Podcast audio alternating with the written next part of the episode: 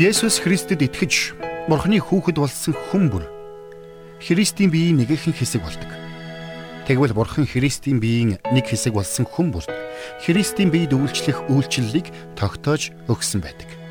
Тэгвэл Христийн бие доторх таны үйлчлэл юу вэ? Танаар дамжуулан бусдад хүрч бусдыг босгон байгуулахыг та Бурханд зөвшөөрч байна уу?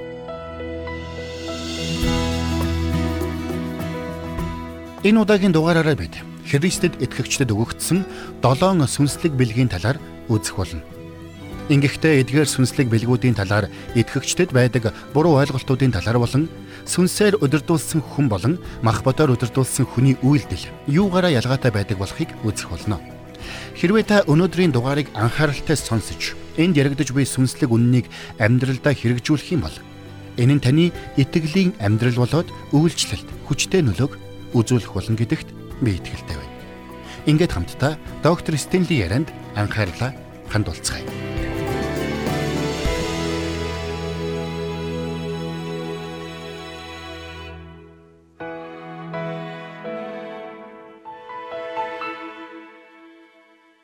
Өнөөдөр бид хамтдаа бэлхэм дүүрэн амьдралаар амьдрах нь гэсэн сэдвээр ярилцах болно.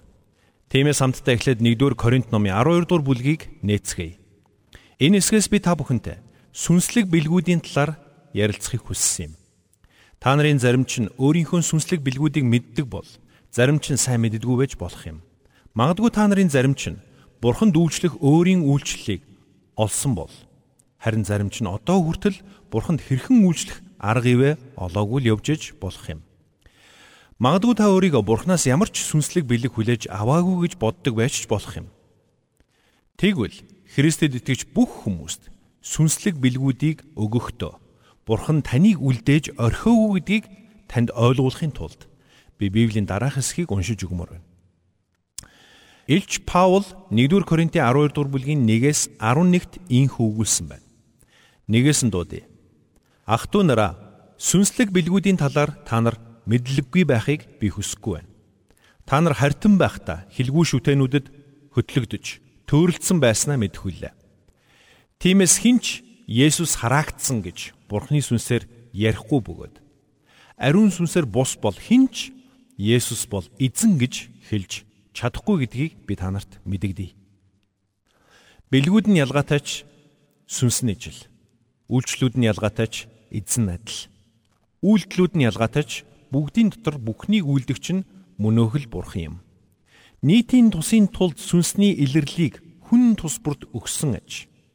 Нэгэнд нь мэрэгэн ухааны үгийг сүнсээр өгсөн бол нөгөөд нь мэдлэгийн үгийг тэрл сүнсээр өгсөн бөгөөд өөр нэгэнд нь итгэлийг мөнөөх сүнсээр нөгөөд нь эдгэх бэлгийг нэг л сүнсээр өгсөн.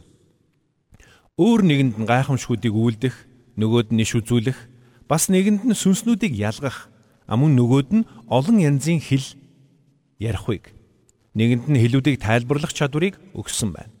Энэ бүхнийг мөнөөхөл нэг сүнс ажилуулдаг бөгөөд хүн тус бүрт тусад нь өөрийн хүссэнчлэн хуваарилдаг юм а гэсэн байна. За би танаас асууя. Та итгэлийн амьдралдаа амар тайван баяр хөөрөөр дүүрэн амьдрахыг хүсэж байна уу? Та сэтгэл хангалуун бэлхэм дүүрэн амьдралаар амьдрахыг хүсэж байна уу? Өнөөдөр маш олон хүн амьдралынхаа өдөр хоногуудыг утга учиргүй зориг чиглэлгүй өнгөрүүлж байна. Маш олон хүн өдөр хоног сар жилүүдийг урам зориггүй, эрч хүчгүй, аз жаргалгүй өнгөрүүлсээр байна. Маш олон хүн бэлхэм дүүрэн амьдралаар амьдрах нь бүхэл амьд явахынхаа төлөө л чадлаараа тэмцэж байдаг. Ийм хүмүүсийн ихэнх нь амьдралдаа зориг чиглэлгүй болж амьдралаас баяр хөөр аз жаргалыг мэдэрч чадхаа болсон байдаг юм. Ийм хүмүүс маргааш руугаа итгэлтэйгээр тэмүүлэх урам зориг байдаггүй. Тэдний ихэнх нь шинэ 7 хоног шинэ өдрүүдийг сэтгэл догтлон хүлээдэггүй. Учир нь эх өдрүүдэд хүссэн зорилгодоо хүрч чадна гэсэн итгэл найдвар тэдэнд байдаггүй. Тиймээс л тэд дотроо Би уг нь ийм амжилтад хүрэхийг хүсэж байна. Гэхдээ би энэ зүйлд хүрч чадахгүй л дээ гэж боддог юм. Энэ бодлосоо болоод хүмүүс Бурханаас өөрт нь бэлдсэн ивэл өрөөлүүд, Бурханаас өөрт нь өгсөн гайхамшигтай амлалтуудаас хавьгүй дор зүйлсд сэтгэл хандж, Бурханы хүүхэд байхын баяр жаргалыг огт ухаарлгүй амьдарсаар насыг бардаг юм. Харин та ийм амьдралаа Бурханы танд бэлдсэн хамгийн гайхамшигтай амьдралаар солихыг хүсэж байгаа бол амьдралаа Бурханы нүдээр харж Бурхан танд ямар гайхамшигтай ивэл өрөөлүүдийг бэлдсэнийг мэдхийг хүсэж байгаа бол Одоо миний ярих зүйлс анхаарлаа хандуулаарай. Магадгүй та дотроо би дэндүү хөгшөө гэж бодож ойж болно. Үүндээ нас тэмч чухал биш. Учир нь таны хідэн настай хэн байхаас үл шалтгаалаад Бурхан танд сүнслэг бэлгүүдийг өгсөн юм шүү. Тиймээс та Бурханаас хүлээн авсан потенциалтай хүрч Бурхны хүслийн дагуух хүн болон өөрчлөгдөхийг хүсэж байгаа бол надтай хамт байгаарай. Бидний амьдралд хандсан Бурхны хүслийг эзэн Есүс тодорхойлон хэлэхдээ Иохны 10:10 дээр би тэднийг амьтай бүр бэлгсэн амьтай байлгахын тулд ирсэн билээ хэмээн айлтсан юм. Бэлгсэн ам, бэлгсэн амьдрал гэдэг бол таны амьдралд хандсан Бурхны хүсэл юм. Тиймээс би энэ цагт дараах гурван чухал зүйлийг танд хэлж өгмөр байна. Хэрвээ та Бурхны танд бэлдсэн тэрхүү бэлхэм дүүрэн амьдралаар амьдрахыг хүсэж байгаа бол дараах гурван алхмыг зайлшгүй ойлгосон байх ёстой. Тэгвэл эхний алхам нь юу вэ? Энэ бол бэлхэм дүүрэн амьдрал руу алхан орох явдал юм. Энэ нь та Есүс Христийг аврагчаа болгон хүлээн авна гэсэн үг. Учир нь Есүс Христийг аврагчаа болгон хүлээн авсан хүн мөнхийн амьдрал руугаа алхан ордог юм.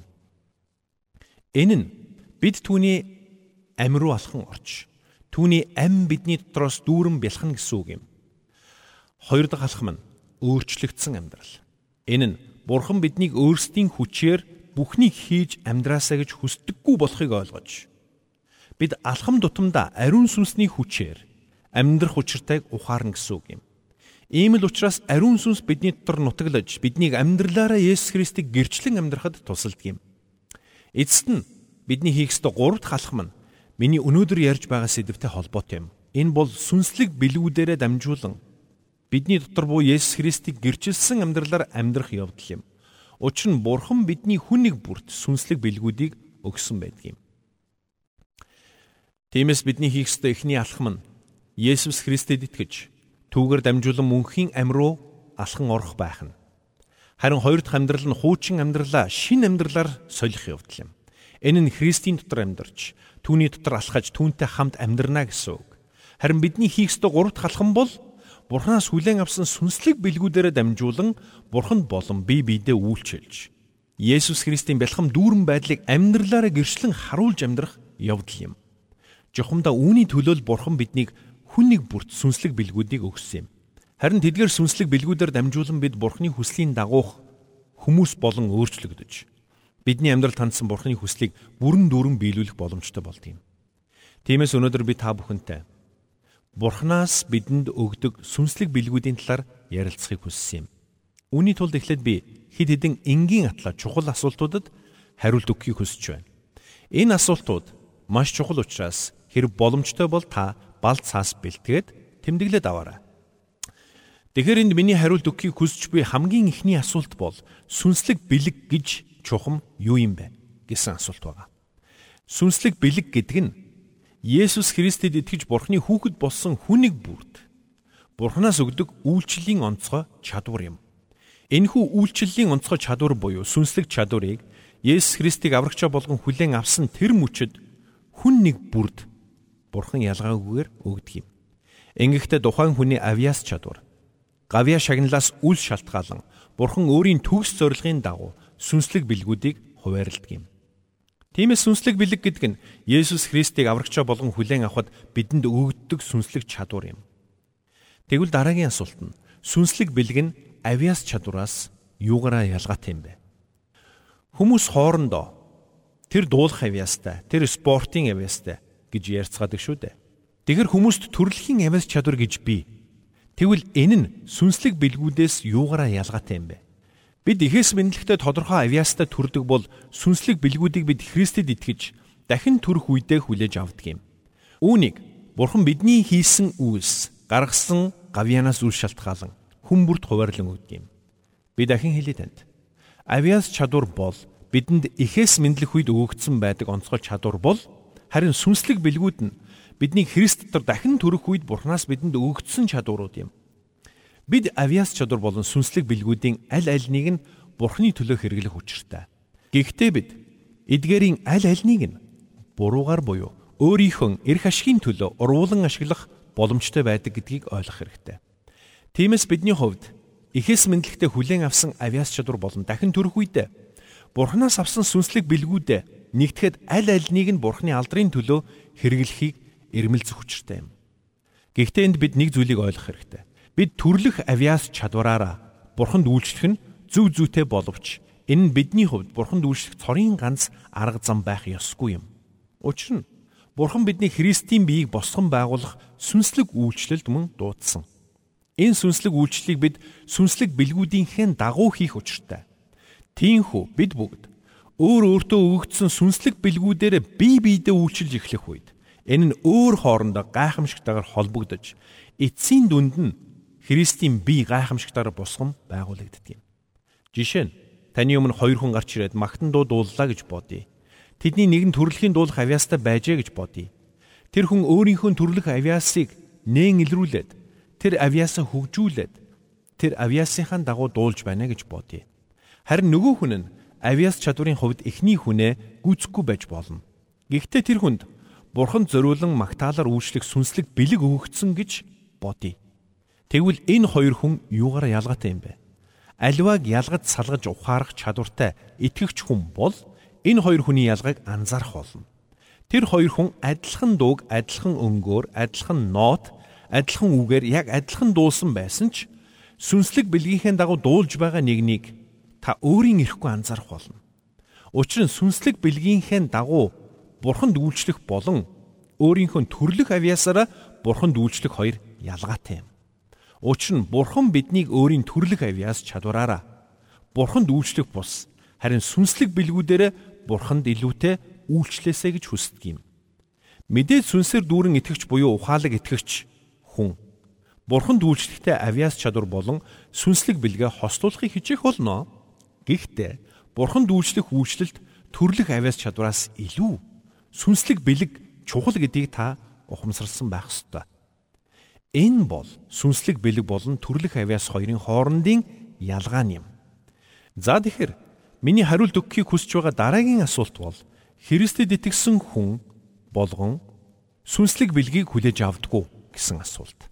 Ингэхдээ хүн бүр нэг бэлгийг хүлээж авдаг юм уу? Эсвэл 2 3 түүнээс ч дээш тооны бэлгүүдийг хүлээж авдаг юм уу? Энэ асуултад хариулахын тулд Библиэс харъя. 1-р Петр номын 4-р бүлгийн 10-ыг гаргаад унших юм бол Илч Петрэнд хэлэхдээ Хүн бүр хүлээн авсан бэлгээр бие биедээ Бурхны олон төрлийн нэгүслийн сайн нярууч үйлчил гэсэн байна. Цааш нь 1-р Коринтын 12-ын 11-ийг унших юм бол ярддаг нь Бурхны илэрлэр яриг. Үйлчилдэг нь Бурхнаас тэтгэгддэг хүчээр үйлдэг. Тэгэд бүх зүйлд Есүс Христээр дамжин Бурхан алдаршуулгадах юм аа. Есүс Христэд алдар ба сүр хүч нь үеийн үед байх болтугай. Амен гэсэн байна. Эндээс би танд нэг зүйлийг хэлмээр байна. Та өөрийгөө хичнээн авьяастай авьяасгүй гэж бодхоос үл шалтгаалan Бурхан танд сүнслэг бэлгийг өгсөн байна. Магадгүй та өөрийгөө ямар ч авьяасгүй, юу ч мэдэхгүй, чадахгүй гэж боддог байж болох юм. Гэхдээ хэрвээ та өөрийнхөө амьдралыг Бурханы нүдээр харах юм бол Бурхан танд ямар гайхамшигтай сүнслэг бэлгүүдийг өгснийг олж харах болно. Бид энэ төрлөх авяас чадварын талаар биш харин Есүс Христэд итгэсэн мөчөөс өгөгддөг сүнслэг бэлгүүдийн талаар ярьж байгаа гэдгийг та санаарай. Хэрв та өөрийн хүлээн авсан сүнслэг бэлгүүдийг таньж мэдэн түүгээр дамжуулан Бурханд болон бусад хүмүүст үйлчилж эхлэхээс нааш Бурхны танд зориулсан бэлхам дүүрэн амьдралаар амьдрч чаддгүй гэдгийг ойлгох хэрэгтэй. Тэгэхээр Бурхан танд нэг болон түүнээс олон тооны сүнслэг бэлгүүдийг өгдөг гэсэн үг юм. Миний хариулт өгөхийг хүсч буй дараагийн асуулт бол Бурхан бидэнд сүнслэг бэлгүүдийг өгсөн зорилго нь яг юу юм бэ гэсэн асуулт байгаа. Өнөөдөр энэ талаар маш олон алдаатай буруу ойлголтууд газар авсан байна. Тиймээс та одоо миний хэлэх үгийг анхааралтай сайн сонсоорой. Өнөөдөр Христэд итгэгчдийн дотор Бурханаас сүнслэг бэлгүүдийг хүлээн авсан гэдэгтээ итгэдэг боловч тэдгээр сүнслэг бэлгүүдийн талаар буруу ойлголттой явдаг, сүнслэг бэлгүүдийг буруугаар ашигладаг хүмүүс олон болжээ. Гэтэл үүний цаад шалтгаан нь тэд бурхан бидэнд сүнслэг бэлгүүдийг өгөх болсон үндсэн зорилгоодыг ойлгоогүйтэй холбоотой юм. Бурхан сүнслэг бэлгүүдийг тухайн хүнд таатай мэдрэмж төрүүлэхийн тулд тухайн хүнийг өөрийг нь аз жаргалтай болгохын тулд эсвэл тухайн хүнийг бусдаас илүү хүчрэг болгохын тулд өгсөн гэж Библийн хаанч хэлээгүй байдаг.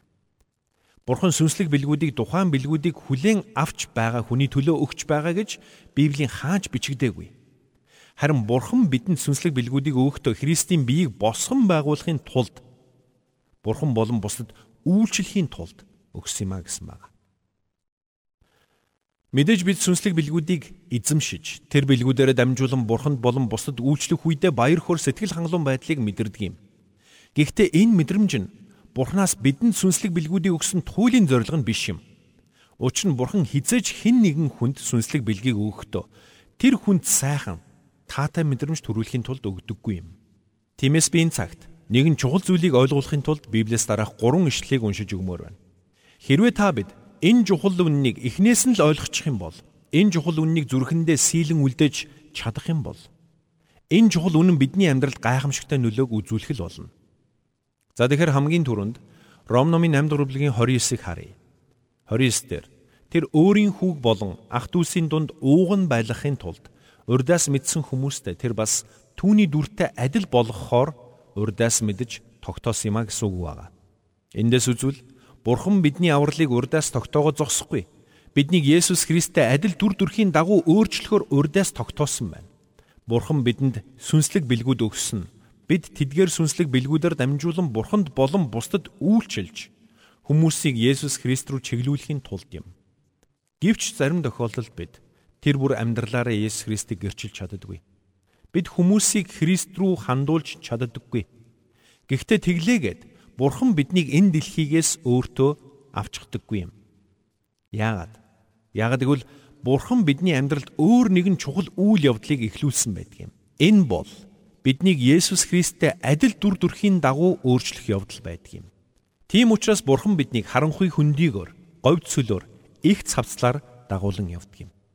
Тэр бидний амьдралд зовлон бэрхшээлийг зөвшөөрдөг юм. Энэ эцсийн дүндээ юуны төлөө юм бэ? Энэ бидний амьдралаар дамжуулан илүү олон хүнд хүрэхийн тулд юм. Бурхан биднийг Есүс Христтэй адил дүр төрхийн дагуу өөрчилснөөрөө бидний эргэн тойронд байгаа илүү олон хүнийг өөрлөгөө дуудахыг хүсдэг юм. Энэ бол түүний туйлын зорилго юм. Энэ бүхнээс үзвэл бид сүнслэг бэлгүүдээр дамжуулан бурханд болон бусдад үйлчлэх үед бурхан энэ үйлчлэлээр мань дамжуулан бидний эргэн тойронд буй хүмүүст хүрч байдаг юм. Улмаар бурхан тэр хүнээр дамжуулан өөр нэгэн хүнд хүрч байдаг юм. Энэ мэдчлэн бурхан өөрийн хүрсэн хүмүүсээр дамжуулан дэлхийн бүх хүмүүст хүрч тэдэнд Христийн сайн мэдээг тунхаглахыг хүсдэг юм. Тиймээс бидэнд хандсан бурханы туйлын хүсэл зориг бол биднэр дамжуулан бусдад хүрэх явдал гэдгийг бид ойлгож ухаарах нь чухал юм. Өнөөдөр энэ дэлхий дээр амьдарч байгаа итгэвч хүн нэг бүрийн амьдралд Бурхан энхүү онцгой зорилгыг өгсөн байна. Мөн хамтдаа 1-р Петрийн 4-ийн 10-ыг болон 1-р Коринтын 12-ийн 7-г уншъя. 4-ийн 10 дээр хүн бүр хүлээн авсан бэлгээрээ бие биедээ Бурханы олон төрлийн нэгүслийн сайн ярвууд шиг үйлчил. Мөн 1-р Коринтын 12-ийн 7 дээр нийтийн тусын тулд сүнсний илэрлийг хүн тус бүрд өгсөн ажээ. Эндээс үзэл бурхан бидэнд сүнслэг бэлгүүдийг өгөхдөө бидний төлөө биш бусдын төлөө өгсөн харагдаж байна. Харин одоо Эфес номын 4-р бүлгийн 11-ээс 12-ыг гарган уншицгаая.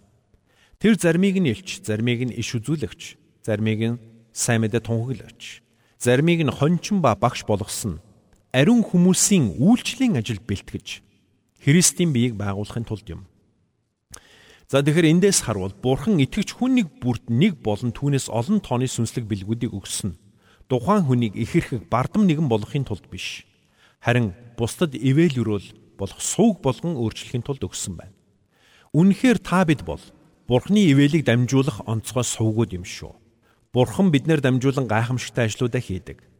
Тинхүү бид өөрсдийн дотор буй Христээс ундрах тэрхүү мөнхийн амийн голыг урсгах гайхамшигтай суг болон хувирдаг юм. Ариун сүнс биднийг хүчрхжүүлэх үед бид Христийн дотор дуулууртаагаар алхаа зогсохгүй. Ариун сүнсээс хүлээн авсан сүнслэг бэлгүүдээр дамжуулан Бурханд болон Бурханы хүмүүст гайхамшигтай үр нөлөөтэйгээр үйлчилж чаддаг юм. Тэгвэл эдгээр сүнслэг бэлгүүдийн талаар л 1-р Коринтын 12 дугаар бүлэгт өгүүлсэн байдаг юм. Өнөөдөр та бид энэ дэлхий дээр амьдарч байгаа нь зөвхөн бидний өөрсдийн сайн сайхны төлөө бус харин бусдын төлөө юм. Та үнийг ойлгох хэрэгтэй юм. Бид энэ дэлхий дээр амьдарч байгаа нь зөвхөн өөрсдийн сайн сайхны төлөө бус Бурхны халдрын төлөө амьдарч байгаа гэдгийг санаарай. Жухамдаа тийм учраас л бид бие биендээ үйлчлэх ёстой. Тэм учраас 1-р Петрийн 4-ийн 10 дээр хүм бүр хүлээн авсан бэлгээрээ бие биендээ Бурхны олон төрлийн нэгүслийн сайн нэрвууч шиг үйлчлэрэ хэмээн тушаасан юм. Үнэхээр Бурхан бидэнд Есүс Христээр дамжуулан авралын бэлгүүдийг өгөхдөө сүнслэг бэлгүүдийг ч өгсөн юм. Ингэснээр тэр биднийг Бурханд болон бусдад үйлчлэх үйлчлэл зориулан бэлтгэсэн юм. Бид бүгд өөрөөр орчинд төрж өссөн, өөрөөр зан чанартай, өөрөөр авиас чадвартай, өөрөөр хүмүүс. Гэсэн ч Бурхан бидний хүн нэг бүрт тохирсон сүнслэг бэлгүүдийг бэлдсэн байдаг. Гэхдээ энэ нь бидний зорилгын төлөө биш. Бурханы зорилгын төлөө юм. Үнэхээр би танд хэлье. Бурханд үйлчлэхгүй байгаа хүн итгэлийн амьдралдаа хизэж бүрэн дүрэн сэтгэл хангалуун байж чадахгүй. Тиймээс би таныг Бурханы үгийг нээж, Бурханы үгийг судлаж, Бурханы үннийг таньж мэдэх гайхамшигтай аялалд гараасай гэж хүсэж байна. Тинхүү Бурханы үннээр дамжуулан та өөрийгөө хэн болохыг ухаарч Бурханаас танд өгсөн нөөц бололцоо сүнслэг бэлгүүдийг олж мэдэн Бурханд болон бусдад үйлчилсэн үр нөлөөтэй итгэгч хүний амьдралаар амьдраасай гэж хүсэж байна. Үнэхээр Бурханаас хүлээн авсан сүнслэг бэлгээ таньж мэдэн тэр сүнслэг бэлгийнхээ дагуу Бурханд болон бусдад үйлчилж эхлэх тэр мөчөөс таны амьдрал гайхамшигтайгаар өөрчлөгдөх болно гэдэгт би үнэхээр итгэлтэй байна. Ингэхдээ зөвхөн таны амьдрал өөрчлөгдөж зогсохгүй таны эргэн тойронд байгаа хүмүүсийн амьдрал ч мөн өөрчлөгдөх болно. Учир нь сүнслэг бэлгүүдээ таньж мэдэн сүнслэг бэлгүүдийнхээ дагуу үйлчлснээр та бурхны ивэл өрөөлийг дамжуулах гайхамшигтай өрөөлийн сувг болох болно. Бурхан та бидэнд сүнслэг бэлгүүдийг өгсөн нь биднийг Христийн биеийн төлөө үйлчлүүлэхийн тулд юм. Христэд итгэгчид бид Христийн дотроос бэлхэм дүүрэн амьдралаар амьдрахын тулд өөрт өгөгдсөн сүнслэг бэлгийг таньж мэдэн тэдгээр бэлгүүдээр бурханд болон эргэн тойронд буй хүмүүстэй үйлчлэх учиртай ажээ. Энэ бол итгэгч бидэнд өгөгдсөн үнэхээр гайхамшигтай ивэл ерөөл юм. Тиймээс таны амьдралд хандсан өөрийн төлөвлөгөөг илчилж өгөхийг Бурханаас өдөр бүр асуун залбираарай. Бурханаас танд өгсөн сүнслэг бэлгүүдийг таньж мэдэн түүнийг Бурханы төлөө болон бусдын төлөө хэрэглэхэд ч туслахыг ариун сүнснээс асуун гуйгаарай.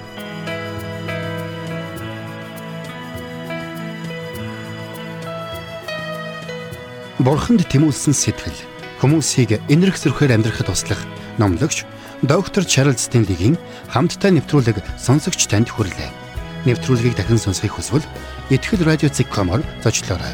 Бидэнтэй холбогдохыг хүсвэл 8085 99 тэгтэг дугаард хандаарай.